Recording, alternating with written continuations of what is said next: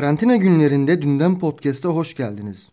Bu programdaki konuklarımız Teyit.org editörlerinden ve Mediapod programcılarından Emre Saklıca ve Mediapod koordinatörlerinden eski taksici İlkan Akgül. Emre ve İlkan. İkiniz de hoş geldiniz. hoş geldiniz arkadaşlar. Merhaba, hoş bulduk. Abiler nasılsınız? İyi işte ben taksiye bıraktım geldim.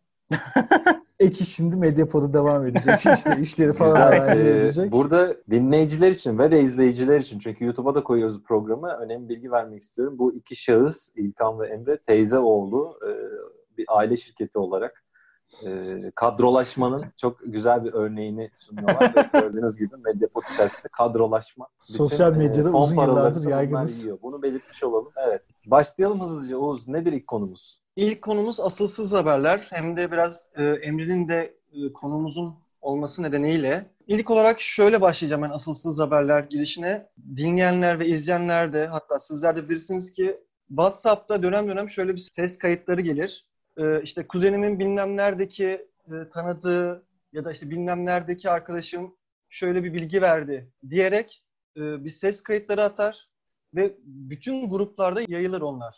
Bir şey söyleyeceğim. Ayça'nın abisi jeoloji mühendisi.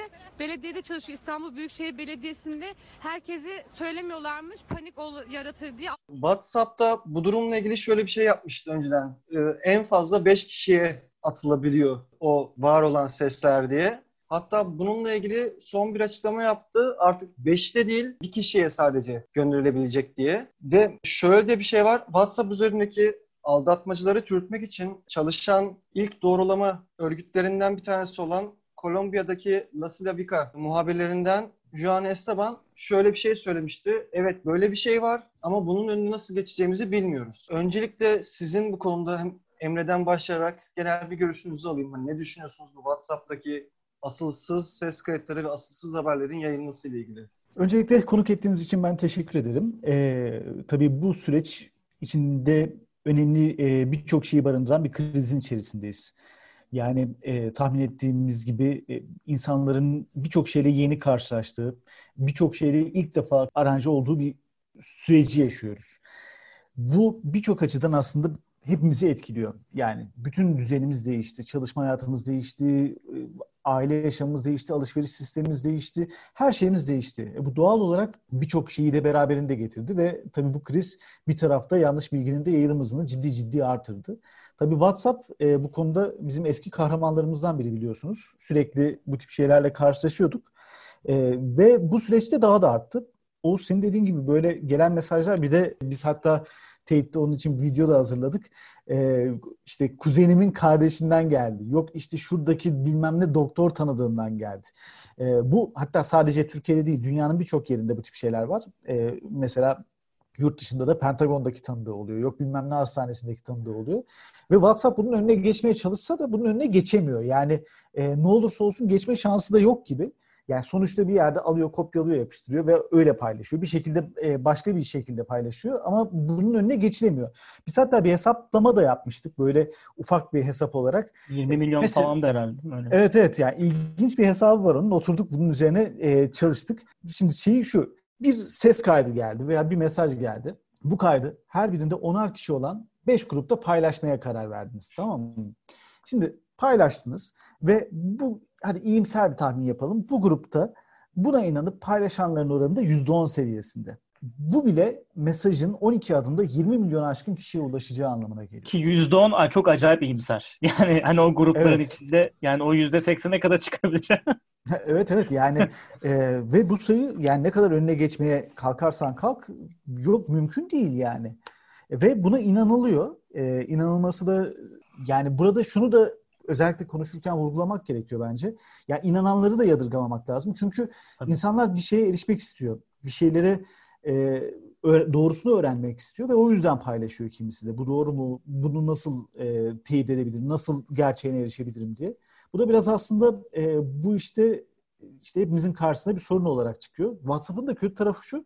Mesela Twitter'da, Facebook'ta bunları rahat rahat görüyorsunuz ama WhatsApp'ta o 20 milyonluk zincirde denk gelirseniz görüyorsunuz. Böyle bir şey var yani. Orhan sana devam edelim.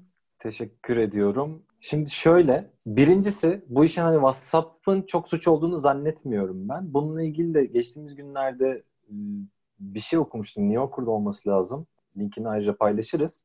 İnsan doğası böyle olduğu için belki de bu teknoloji de e, onun için bir e, çarpan etkisi yaratıyor. Yani multiplier etkisi yaratıyor. İnsanlar neden böyle bir şey yapıyor? Biraz buna bakmak lazım. Onun için de biraz şeyden bahsetmek lazım. Bu Daniel Kahneman'ın e, Thinking Fast and Slow kitabı var. Hızlı ve yavaş düşünmek. Kendisi Nobel ödülü falan da kazandı bununla. Davranışsal psikolog kendisi. E, onun sistem 1 ve sistem 2 dediği e, bir yapı var. Nedir bu? İşte bizim hani evrimsel olarak baktığımızda e, geliştirdiğimiz eski bir sistem var. Bu bizim daha hayvani tarafımıza işaret eden. Temel olarak işte flight, fight or flee. Ya savaş ya kaç dürtüsüden mütevellit ve bizim işte milyonlarca yıl boyunca savanada falan hayatta kalmamızı sağlayan temel dürtülerimiz bunlar. E, Maslow hiyerarşisinin en altındaki e, ihtiyaçlarımızı işaret ediyor. Bunu Emre Kızılkaya'dan görmüştüm. Haberlerle ilgili güzel bir şekilde uyarlıyor bunu. Olay şu, gördüğünüz zaman önce şu üç soruyu soruyorsunuz. Bir, bu şey beni öldürür mü? Ona göre savaşacağım ya da kaçacağım. İki, ben bunu yiyebilir miyim? Neden? Çünkü bir, survival, hayatta kalma. İki, hani beslenme, hayatta kalmanın ikinci şeyi. Üçüncüsü de ben bununla seks yapabilir miyim? Reproduction, çoğalma değil mi? Bu üç temel soruyu soruyor. Çoğu baktığınızda haber manşeti de böyle atılır zaten. E, kötü habercilik de böyle yapılır. Hani ya korkutursun, ya cinselliğe oynarsın ya da böyle mala da vara bir faydası var mı gibi bir boyutu olur. Bir de ikinci bir sistem var. Bu bizim böyle son 70-80 bin yılda geliştirilmiş şey. Rasyonel beynimiz. Daha böyle olasılık hesabıyla düşünebilen bir şeyin eğrisini doğrusunu enine boyuna derinlemesine düşünen ki bu e, geliştirilebilen bir şey. Daha rasyonel toplumlar, daha eğitimli toplumlarda bunun daha güçlü olduğunu görüyoruz.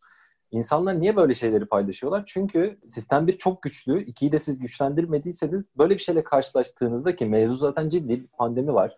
E, ölüm riski olan bir durum var. Kendiniz veya sevdikleriniz için doğal olarak korkuyorsunuz ve bir şey yapmak istiyorsunuz. İlk aklınıza gelen de ben şunu paylaşayım. Çünkü birinin hayatını kurtarabilir. Neden? İşte devlet bizden bir şeyler gizliyor e, ya da bilmediğimiz bir şeyler var. Birisi de bunu paylaşmış. Ben hemen gidip başkalarıyla da paylaşayım. İşin bir tarafında bu var. İkincisi de şu, bunu da genel olarak teyit kuruluşlarıyla ilgili gördüğüm genel bir eksik. Aslında eksik değil, bu onların işi değil belki de. E, çünkü teyit kuruluşu e, tabiatı gereği, eşyanın doğası gereği bu ikinci sistemi oynayan e, rasyonel bir açıklamayı yapma ihtiyacı var. Yani sana rasyonel bir şekilde kaynaklarını da göstererek kardeşim böyle değil bak böyle böyle diyor. Yani zaten aklı başında olan biraz okumuş etmiş bir insana bakınca evet ya böyledir diyor. Ama şöyle bir sıkıntı var. Neden bu kadar insan inanmıyor? Neden bu kadar büyük bir geri tepme etkisi, backfire efekt var? Mesela sizin Tate'in yaptığı paylaşımları Facebook'ta özellikle gidip bakıyorum. Özellikle 5G meselesi. İşte ben ilk duyduğumda inanamamıştım buna. Koronavirüsün bu yeni koronavirüsü e, SARS-CoV-2'yi 5G ile işte diriltmişler ya da işte onunla mutasyona mutasyon geçirmiş virüs falan. Saçma sapan bir sürü mesele. Altında yok. inanmıyor adam yani. Tate o kadar güzel güzel açıklamış. Altında ya siz de zaten işte Facebook'un uşağısınız da yok işte Amerika'ya çalışıyorsunuz da. Ya bir de şey de karar verdi. Amerikalılar mı yapıyor, Çinliler mi yapıyor? Şimdi tam emin de olamadılar. Böyle bir kakofoni var. Bu niye? Bence bu da biraz şundan kaynaklanıyor. İnsanların dünyanın nasıl bir şey olduğunu ve dünyanın işleyişini anlamamış olmalarından kaynaklanıyor. Kafalarındaki dünya çok basit. E, hep siyah ve beyaz var. İşte bir tarafta kötüler var, bir tarafta da iyiler var. En önemlisi de bir yerlerde omnipotent, kaderi mutlak bir kötü var. Genelde de Amerika oluyor bu. Böyle bir şeyin varlığına niye ihtiyaç duyuyor insanlar? Basit bir açıklama. Şimdi dünyanın kaotik, her tarafının kontrol edilemez ve senin kontrolün dışında olan e, bir yapısı olduğunu kabul etmiyor. Onun istediği şey şöyle. Bir tarafları bir kötü var. O Amerika olabilir. 12 aile. 12 aile de neymiş abi? 12 tane aile dünyayı yönetecek. Yani vallahi insanın aklı hayali almıyor böyle saçma sapan şeyleri ama e, böyle basit bir açıklamayla bir yerlerde çok kaderi mutlak bir kötünün varlığı onun hayatında kolaylaştı. Neden? Ülkemizde çok yapılan bir şey mesela. Biz çok iyiyiz aslında. İşte bor var, bilmem ne bileyim acayip böyle büyük başarılarımız var. Çok zengin ülkeyiz. Dünyaya yardım ediyoruz falan. Ama bir de bazı kötü güçler var, dış güçler. Onların işte işbirlikçileriyle birlikte ülkemizde bir türlü bir yere varamıyoruz. Engelliyorlar. Bu açıklama her şeyi kolaylaştırıyor. Senin üstten bütün suçu alıyor. Bir yerler bu kadar güçlü bir kötü varsa sen zaten ne yapabilirsin ki? Elinden geleni yaparsın, onurlu mağlubiyetini alır, gidersin. Bu basit açıklamalara ihtiyaç duydukları için insanlar buna inanıyor. Yoksa o işin rasyonel tarafına zaten daha gelemedi bile adam.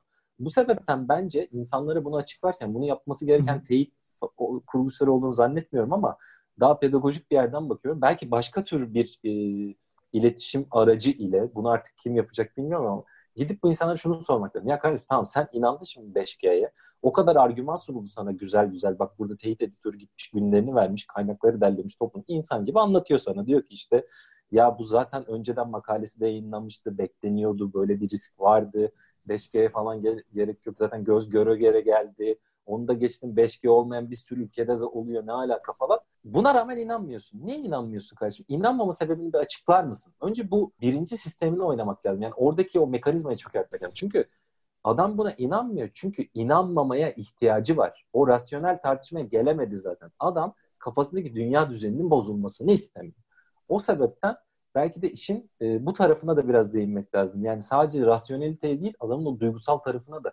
Sen inandın ama niye inandın? Bir anlat bakayım. Amerika'ya mı kızdın? Çin'e mi kızdın? Güzel kardeşim. Bir biraz derdini anlat bakalım demek lazım. Çünkü bu e, orada doğru, ne argüman olursa önemli, olsun. Biliyor musun Orhan? Evet. Yani Terry Sheraton e, bir kitabı vardı. Türkçe'ye de çevrildi. Hatta Tevfik Uyar çevirdi. Başkalarının aklı diye. E, orada okuduysan e, bu aşı karşıtlığı ile ilgili görüşte hatta bu e, Trump'ın seçim öncesinde katıldığı debate'lerden birisinde bir tartışmaya atıfta bulunuyor ve e, şunu söylüyor. Dinlerken e, yazar diyor ki ben bile neredeyse onun aşı karşıtı argümanlarına inanmaya başlıyordum. Yani öyle bir anlatım tarzı vardı ve o kitapta da şunu söylüyor ve sonrasında yapılan araştırmalarda da her zaman şununla karşılaşıyoruz. Bu geri tepme etkisi karşısında karşıdaki kişiye bunu başka yöntemlerle anlattığında yani onun bir yöntemini ve dilini bulmak gerekiyor. Yani hata belki de şuradan kaynaklanıyor. Şimdi mesela bu 5G konusunu konuşuyoruz, aşı karşıtlığını konuşuyoruz, başka konuları konuşuyoruz. Eğer sen şunu dersen, ya e, buna da inan e, nasıl inanıyorsun deyip o kişiye hakaret edip biraz daha yukarıdan davrandığında bu geri tepiyor. Ama senin demin söylediğin var ya neden buna inanıyorsun? Ne oluyor? Biraz onun sebeplerini konuşalım dediğinde biraz daha farklı sonuçlar alabiliyorsun. Yani o geri tepme etkisinde e, yumuşamalar ve e, farklı sonuçlar edinebildiğin anlar olabiliyor. O gerçekten yeni ve üzerinde uğraşılması gereken bir dil oluşturuyor ki bu 5G'de bir de şöyle bir e, şerh koyayım. E, bugün yayınladık. İşte bu podcast'in yayın tarihinde ne olur bilmiyorum. 17 Nisan tarihinde yayınladık biz yazıyı. E, bu 5G tartışması aslında Türkiye'ye bir tarafta ithal edildi. Yani bu tartışmanın ilk çıktığı ortam ve kaynağını biraz araştırdık ve ilk televizyonda bir köşe yazısında ve benzeri yerlerde başladı bu. Sonrasında sosyal medyada karşımıza çıktı ve aslında biraz çıkış hikayesini de aldık sosyal medyada o çıkan hesabı. O yazıyı da e, hatta burada bölüm notlarına eklerseniz söylediğine çok ilginç yanıtlar olacak. E, onu da paylaşmış olayım. Evet, son bir şey ekleyeyim. İlkan'a bırakayım sonra sözü.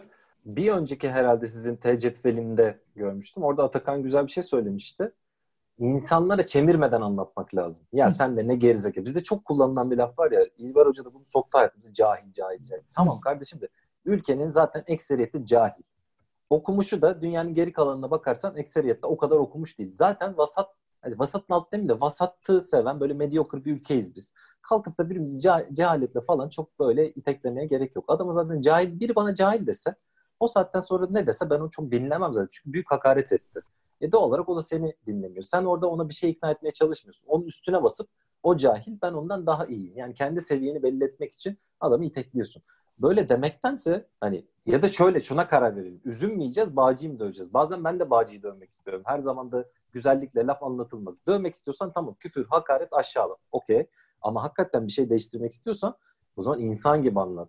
Öyle diyorsun ama bak neden böyle dedin? En güzeli sormak. İşte bunu da geçenlerde herhalde açık bilimden Fularsız Entellik'te bu Tevfik Hoca'nın yaptığı programda birlikte yaptıkları programda e, dinlemiştim.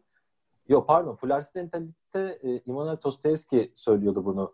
Önce karşıdakinin argümanını net bir şekilde koymasını sağla ki saldıracak bir şeyin olsun. Çünkü durmadan esnek esnek pozisyon değiştiriyor. Biz somut şekilde argümanı koysa senin de saldırabileceğin bir şey olur. Yani bu işlerin taktikleri de var. Özetle demek istediğim şu sadece gerçekleri biliyor olmanız hiçbir şey değiştirmez. İşin pedagojik bir tarafı var. Karşınızdakine bir şey öğretmek istiyorsanız öğretmenin de metodu vardır. Bunu e, atlamamak lazım. Öyle paldır küldür al sana gerçekler inan lan dersen inanmaz. Evet şimdi sözü İlkan'a bırakmadan ben de burada bir ekleme yapayım. Demin çok güzel bir noktaya değindin. Buyur. Evet bırakamadık. Kahneman'a e, değindin. e, bu e, hakikatin önemini yitirmesi ve gündelik hayatın hoyratlaşan dil diye bir makale var. E, Halime Atalay'ın yazdığı.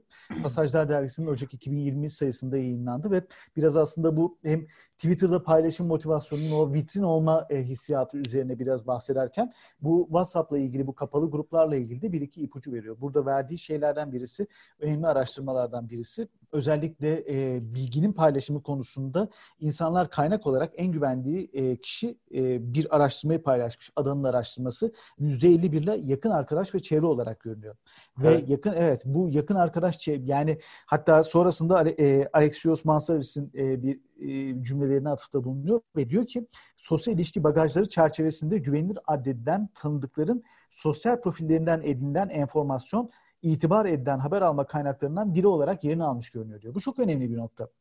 Hemen buradan da e, bu sıkça karşılaştığımız aslında bir deney vardır. Bu eşin çizgi deneyi konusu var ya. Hı hı. Yani e, o belki de bilmeyenler için çok kısaca anlatalım.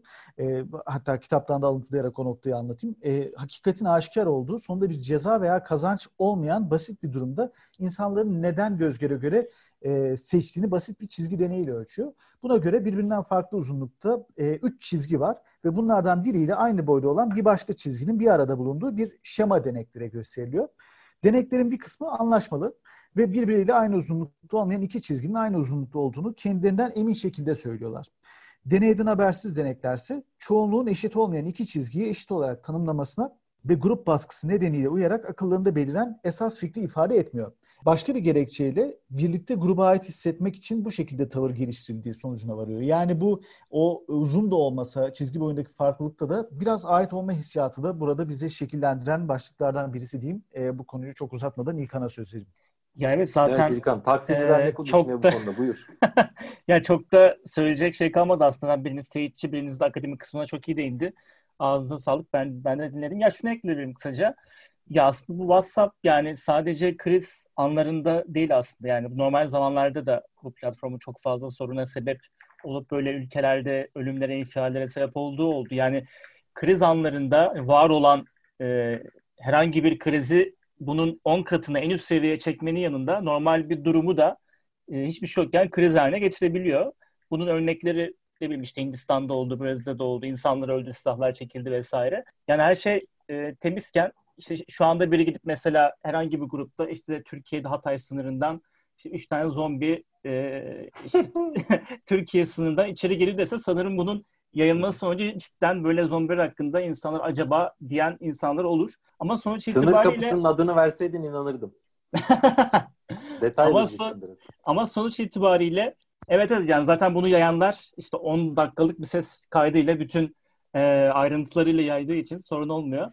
Ama yani sonuç itibariyle mesela burada yani Facebook'un işte WhatsApp'a alınması sanırım böyle kontrol mekanizmasını daha da biraz daha kuvvetlendirmiş olabilir. Yani işte aynı şirketin ürünleri, WhatsApp'ta dolanan sorunlu haberler, belki işte Facebook'ta da daha az gösterilmesi gibi şeyler muhtemelen oluyordur. Tabii bu tehdidi biraz daha azaltır ama buna rağmen yine Emre'lerin yaptığı inanılmaz iyimser bir oranla 20 milyona ulaşıyor yine her şey. Burada yine oranın dediğine geliyor. Yani demek ki işte teknolojiydi, şuydu buydu, işte bu kadar küresel bir dünyaya açılmış bu mecralarda, klavyelerle, mouse'larla bunu çok sınırlı sayıda belki de müdahale edebiliyoruz. Gerçekten insanları da rencide etmeden işte karşısına geçip oturmak belki çok daha fazla etki yaratabilir. Çünkü o bir kişiden 20 milyona açılan o dal biraz daha e, kısalırsa ne kadar fazla kişi bir şekilde öyle konuşularak gerçekten iyi bir dille anlatılırsa belki şey, daha nitelikli üstesinden gelinebilir diye düşünüyorum. Peki o zaman diğer konumuz e, online eğitim ve iş üzerine bir konu. E, burada biraz referans vererek iki sorum olacak. Yani referansım da şu. E, gazeteci Serdar Kululoğlu ve Brazi'nin e, YouTube yayınında şöyle bir şey söylemişti. E, iş dünyasında da eğitimde de herkes, yani madem internette her şey yapılabiliyor, biz neden ofislere dönelim ya da okula dönelim sorusuna bir cevap e, bulmak gerekiyor şeklinde konuşmuştu. E, sorularımdan ilki şöyle bir şey. E, herkes uzaktan çalışmaya alıştı. Sizce e, hem çalışanların ofise dönmesi hem de öğrencilerin okula dönmesi sürecinde nasıl bir farklılıklar olacağını düşünüyorsunuz? İkinci sorum da kişisel bir şey olacak. Sizlerin iş yaşamınız yani aynı şekilde devam ettiğini düşünüyor musunuz? Ya da neler değişti sizce? Emre. Hı. Peki ben de başlayacaksak. Yani ben e, hayatım önce ikinci sorudan başlayayım. Bizim hayatımızda ne değişti? Ben e, yaklaşık 20 yıldır öyle böyle piyasada birçok e, işin içinde bulundum ve ilk defa e, bir aydır Sen deri işindeydin aydır. daha önce değil mi? bir buçuk aydır e, ilk defa böyle evden çıkmadan e, hatta bir buçuk ayda bir gün falan dışarıya çıktım. Tamamen evden çalışıyoruz ve ilk başta bir yadırgadım tabii böyle hiç e, işsiz kaldığım bir dönem de olmadı o süreçte. Yani ne oluyor acaba, ne yapacağız, ne edeceğiz gibi. Ha ben aynı disiplini korudum. Tabii benim mesela kendi adıma problemim şu oldu. Ben durmayı bilmiyordum. Yeni yeni öğrenmeye başladım. Sabah 8.30-9'da başlıyorum çalışmaya. Gece 11-12'ye kadar çalışıyorum. Yani e, artık iş yerinden arkadaşlar Slack'ten dürtüyor. Kapat bilgisayarı falan abartıyorsun gibi şeylere dönüşebiliyor. E, o yüzden yani kendi adıma değişen şey o. E, şimdi alışkanlıklarımı değiştiriyorum. Peki eskiye dönüş nasıl olacak? Bugün biraz kendi aramızda da arkadaşlarla konuştuk onu. Yani ne yapacağız, ne, ne olacak? Mesela ilk başta gittiğimizde belki ofiste işte birbirimize o sosyal mesafeyi koruma e, boyutuna gireceğiz. Onu nasıl ayarlayacağız? Bir süre belki sosyal mesafeyle oturacağız ki sosyal mesafenin hemen bitmeyeceği söyleniyor. Ne zaman döneceğimize ilişkin kesin tarihler yok tabii ortada. Yani biz uzaktan yürütebilen bir kurumuz. Ama burada o ilk baştaki soruna şu şerhi koyacağım. Tamam biz uzaktan çalışıyoruz ama e, uzaktan hiçbir zaman çalışamayacak e, sektörler ve kişiler var. Ve uzaktan çalışma modeline e, gerçekten geçemeyecek nesiller de var. Yani e, bu Zoom'un hayatımıza girmesi, e, işte birçok farklı toplantı araçlarıyla konuşmamız, e, sürekli ev halinde çalışıyor olmamız bunlar çok yeni bir model ve insan olarak e, bizim e, bu son yıllarda kendi o geleneksel çalışma metodumuzun dışında evet freelance çalışanlar, evinden çalışanlar vardı ama buna adapte olmak çok zor bir şey. Bu ne kadar değişecek? Bizim gibi sektörler için belki e, evden mesela şu opsiyonlar gelebilir ilerleyen dönemlerde. E, denir ki evden çalışmak isteyen evinden çalışsın ki bizde mesela o opsiyon vardı ama bu daha belki insanların sık tercih edeceği bir şey olabilir. Çünkü iş böyle de yürüyor. Diğer tarafta bazı kurum sahipleri şunu diyecektir. Ya o kadar masraf yapmayayım. Madem evinden çalışılıyor. Herkes evinden çalışsın diyen de olacaktır. Ama e, biz dediğim gibi burada yani bizden kastım işte Orhan'dan bahsediyorum, İlkan'dan, senden bahsediyorum Oğuz. Biz sonuçta Türkiye popülasyonunda azınlık durumdayız bu konuda. Evden çalışabilme rahatlığı, konforu açısından. Buna ne kadar uyum sağlanacak, ne olacak bilmiyorum ama e, ben yine çok çabuk fabrika ayarlarına dönebileceğini düşünüyorum her şeyin. İlkan sen ne Ee, diyorsun? Ya şimdi Serdar Kuzloğlu şey diyor hani madem internetten bunu iyi bir şekilde yapabiliyoruz işte hani neden tekrar okula ya da işe dönelim? Madem yapıyoruz diyor ama mesela gerçekten oluyor mu bu? Hani bir kere bunu mecburiyetten yapıyoruz ve hiçbir şey yolunda gitmese bile e, iletişim sorunu olsa bile bu işte çalışma gruplarında vesaire bu bir şekilde görmezden gelinip her şey iyi gibiymiş gibi yapılacağını düşünüyorum ben. Çünkü bu bir mecburiyet ve bunu bir şekilde ayak uydurmak zorundayız. Bunun bir alternatifi yok. Ya ben şu anda evden çalışmaya e, geçen ve ekip olarak bundan şikayet eden kimseyi görmedim bir kere. Benim iş akışım e, ve iş yaşamım aynı şekilde yürüyor. Bir değişiklik olmadı. Ben zaten iki yıldır home office çalışıyorum. Ama bunu tabii mecburi olarak e, evden yapmadığım için hiçbir zaman bunun sadece bir hani alışma süreci oldu benim için. Yani ben iki yıldır freelancer'ım, office, home office çalışıyorum ama her zaman dışarıdan çalıştım. Hiçbir zaman evde olmadım. Çünkü bunun işte bende biraz tembelliğe yol açtığını falan e, zamanı keşfettiğim için bir şekilde sabah kalkıp her zaman işe gittim. Ortak çalışma alanlarını kullandım. Bu yönden bir e, ufak bir alışma şeyi oldu ilk e, iki hafta falan ama bundan sonrası için de yani yani buna bir şekilde alışmamaya çalışıyorum. Evet ayak uydurmaya ama alışmamaya, kendimi buna entegre etmemeye çalışıyorum. Çünkü bu hiçbir şekilde e, çok uzun bir süre sürdürülebilecek bir şey değil. Hem iş verimliliği açısından hem de işte bir şeyler üretme açısından hiçbir şekilde devamlı olan bir şey değil. Ama yani en fazla 3 ay, 4 ay belki buna tahammül edilebilir. Öbür soru neydi? İş yaşamımız aynı şekilde şey. Senin için bir şey değişti mi? Yani sen evet. Zaten söyledi. Evet. Evet zaten evet yani durum öyle. Orhan sen ne diyorsun bu konuyla ilgili? Bir de ekstra şöyle bir şey var. Senin e, hani bahsettiğimiz gibi de akademisyen e, tarafın var. Hani TGS akademi direktörü e, olman haricinde. Bu sorulara ek olarak sana bir de şöyle de bir şeydi. Hani üçüncü soru olarak sen ayrıca öğrencilerinde de nasıl görüyorsun bu geçiş sürecini? Şimdi öğrenci deyince ben genelde biliyorsun öğrencilerle ilgili kötü geçelim. Öğrencilerimi çok severim de benim herhalde beklentim yüksek olduğu için bana hep böyle yetersiz geliyor yapılanlar. Sanki ben çok süper bir öğrenciydim de değildim. Ama neyse. Şimdi şöyle. E, birincisi Serdar Kuzuloğlu'nun ne demek istediğini oradan anlıyorum. Bazı işlerde İlkan'ın dediği çok doğru. Oluyor mu? Hani bir kısmı olmuyor ama hakikaten olan tarafı da var. Bazı işlerin hakikaten de bu kadar toplaşmamıza gerek yok. Çok büyük kalabalıklar yapıyoruz. Çok masraflar yapıyoruz. Özellikle konferans denen şey. Networking vesaire şu bu iyi. Ama geçtiğimiz bölümlerde söyledim. Bu yüz yüze işinin premium bir şey olması lazım artık. Çünkü çok fazla masraf, çok para. Uçaklara biniliyor, karbon emisyonundan tut da harcanan paralara bilmem ne. Bir de şey de oluyor açıkçası. Şimdi digital gap'ten falan bahsediyoruz. Dijital uçurum. Herkesin internet ve bilgisayarı yok da. E kardeşim e, her şeyde fiziksel ortamında olunca şöyle bir şey oluyor. Tam TGS Akademi ama biz İstanbul'dayız. E, Ankara'da benzer bir yapı var. İzmir'de benzer bir yapı var. Malatya'daki ne yapacak? İnsanlar devamlı bize mail atıyor mesela eğitimleri için gelir misiniz? Gidiyoruz da elimizden de gelin yapıyoruz ama her yere de gidemezsin tabii ki. Ee, online yaptığında tamam gene bir dijital uçurum var. Gene %10-20'ye ulaşamıyorsun ama çok daha ciddi bir kitleye ulaşabiliyorsun. Bu sebepten hibrit bir model en doğrusu diye düşünüyorum ben. Ee, kimi iş daha fizikselde yapılır, yüz yüze yapılır. Bir de online dokunuş olur. Kimi daha böyle online olur, bir de yüz yüze tarafı olur. Bu hibrit modellerin dengesini de zamanla bulacağız. Bu iyi bir fırsat oldu bizim için. Çünkü Manuel Castells bundan 30 sene önce yazdı. İşte A Toplum Network Society falan. E ama şimdi önünde yüz yüze buluşma deyince kuşak diye de bir şey var. E, paradigmayı hemen değiştiremiyorsun. Yani ofise gitmediğin zaman değil mi? Evden çalışıyorum falan da patronun aklında hep şey var. En ileri görüş patronu bir. Ne yapıyor bu adam acaba ya falan. Geçtiğimiz hafta konuştuk işte patron masada balık görmeyince kızıyor. Kolay değil bu iş.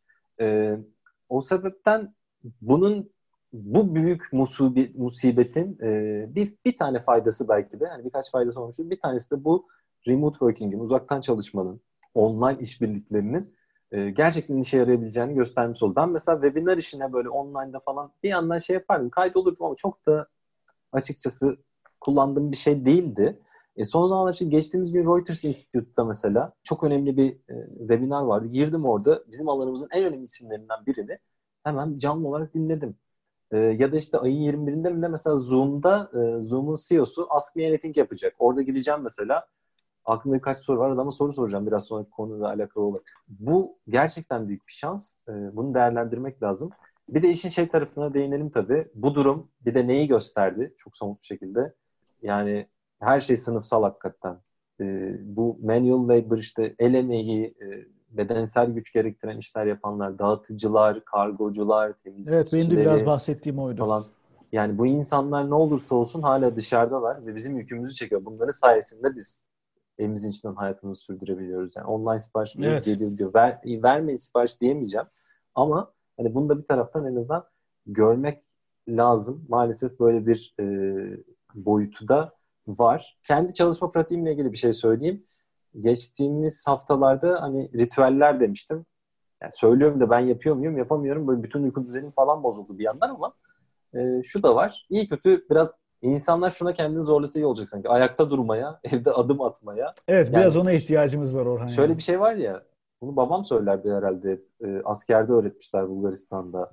Yaslanma, oturursun, oturma, uzanırsın, uzanma, yatarsın, yatma, uyursun. Şimdi nöbetteki askere söyledikleri bir şey. Gidiyor. Ben de tam tersini söyleyeceğim o zaman. Hani evde mümkün mertebe hani uykunu falan boş ver. Uzanıyorsan doğrulmaya, doğruluyorsan ayakta durmaya çalışmakta fayda var. Çünkü insan evrimsel olarak hakikaten ayakta durup yürümeye e, programlanmış bir canlı. Bu kadar oturunca Evet o hareketsizlik yani çok kötü olmaya biraz başladı. Biraz erken ölürüz böyle giderse. Biraz bir onu çözmemiz 4-5 ay diyoruz ya. da bu işin ne kadar süreceği belli değil.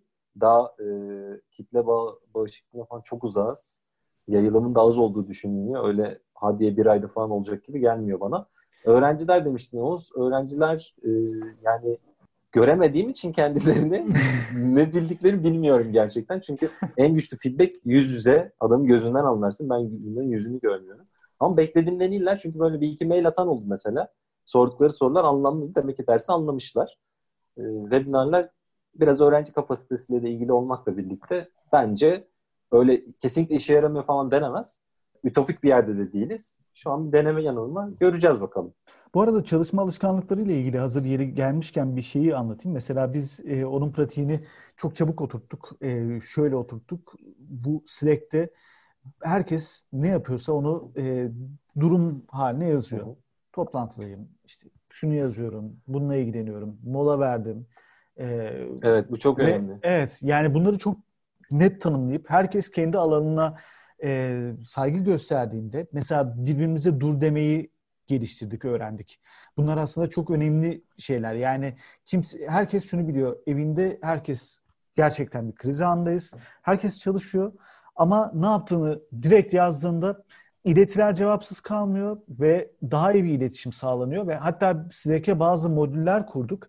Mesela saat 3 gibi bizde o konuda yani burada adını anmak istiyorum. Sinefin harikalar yaratıyor. Saat 3 gibi mesela hatırlatma kurdu. Hemen mesaj geliyor hepimize.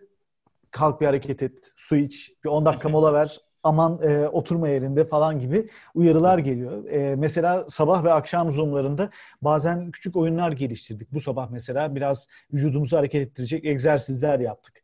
E, ma, e, önemli olan orada e, hem o ekip ruhunu devam ettirebilmek hem de o senin bahsettiğin şey var ya vücut ağrısı, sırt ağrısı. Ben geçen hafta bir gün evde kalktım. Sırtımda bir ağrı hayatımda öyle bir şey yaşamamışım. Yani e, inanılmaz şeyler yaşatıyor vücudumuz bize ve çıkıp mesela yolda bile yürümemeye çalışıyorsun, ediyorsun. Ki Orhan'ın söylediği yerden de bakınca birçok insan bunu mecburiyetten yapıp evinde hiçbir şekilde vakit geçiremeyip çalışmak zorunda kaldığı için biz burada tuhaf farklı bir denklem, farklı bir düzlemde konuşuyoruz bu mevzuları ve ortaya böyle bir e, şey çıkıyor. O süreci iyi disipline ettiğinizde evden çalışma işi önümüzdeki süreçte Orhan'ın dediği gibi hibrit bir şeye dönüşecek gibi geliyor bana da. Peki şey soracağım. Ee, şimdi bu teyit e, yani oldukça kalabalık bir ekip. Hani sizin İstanbul'da ekibiniz var ve çok fazla yüz yüze gelemiyorsunuz bildiğim kadarıyla ama buna rağmen harika işler çıkıyor mesela. Ya bu biraz da hani iletişimin de kuvvetli olmasıyla alakalı mesela şu anda işte e, teyitin işte bu karantinadan sonra tüm ekip eve kapandı ve sen o süreçten sonra daha verimli mi hissediyorsun yoksa bu verimliliği e, yani aynı ofisteki şeyi verim yakalamak için böyle biraz daha zorluyor musunuz kendinizi bu ekipten ekibe de değişen bir şey mi? Senin hani bu ekip bağlamında biraz da aslında deneyimlerin e, bayağı şey anlatabilir. Şimdi ben şunu söyledim. Yani ilk başta dediğimiz gibi eve geçtiğimde yani işte bir e, şunu düşündük. Acaba nasıl etkileyecek? İnsanların motivasyonu düşecek mi? Ya bir de kriz anı ve gerçekten morallerin bozulabileceği haberler alabildiğin anlar. Bunu nasıl idare edeceğiz? Ne yapacağız? Bu konuda dışarıdan destekler de aldık ve e, onlar da çok verimli aldı. Verimli oldu. E, bizim eve geçmemizin şöyle bir avantajı oldu. Bir, e, şimdi gün içinde ofise giriyorsun. Yani bu e, TGS'de de aynısını yapıyorsunuzdur.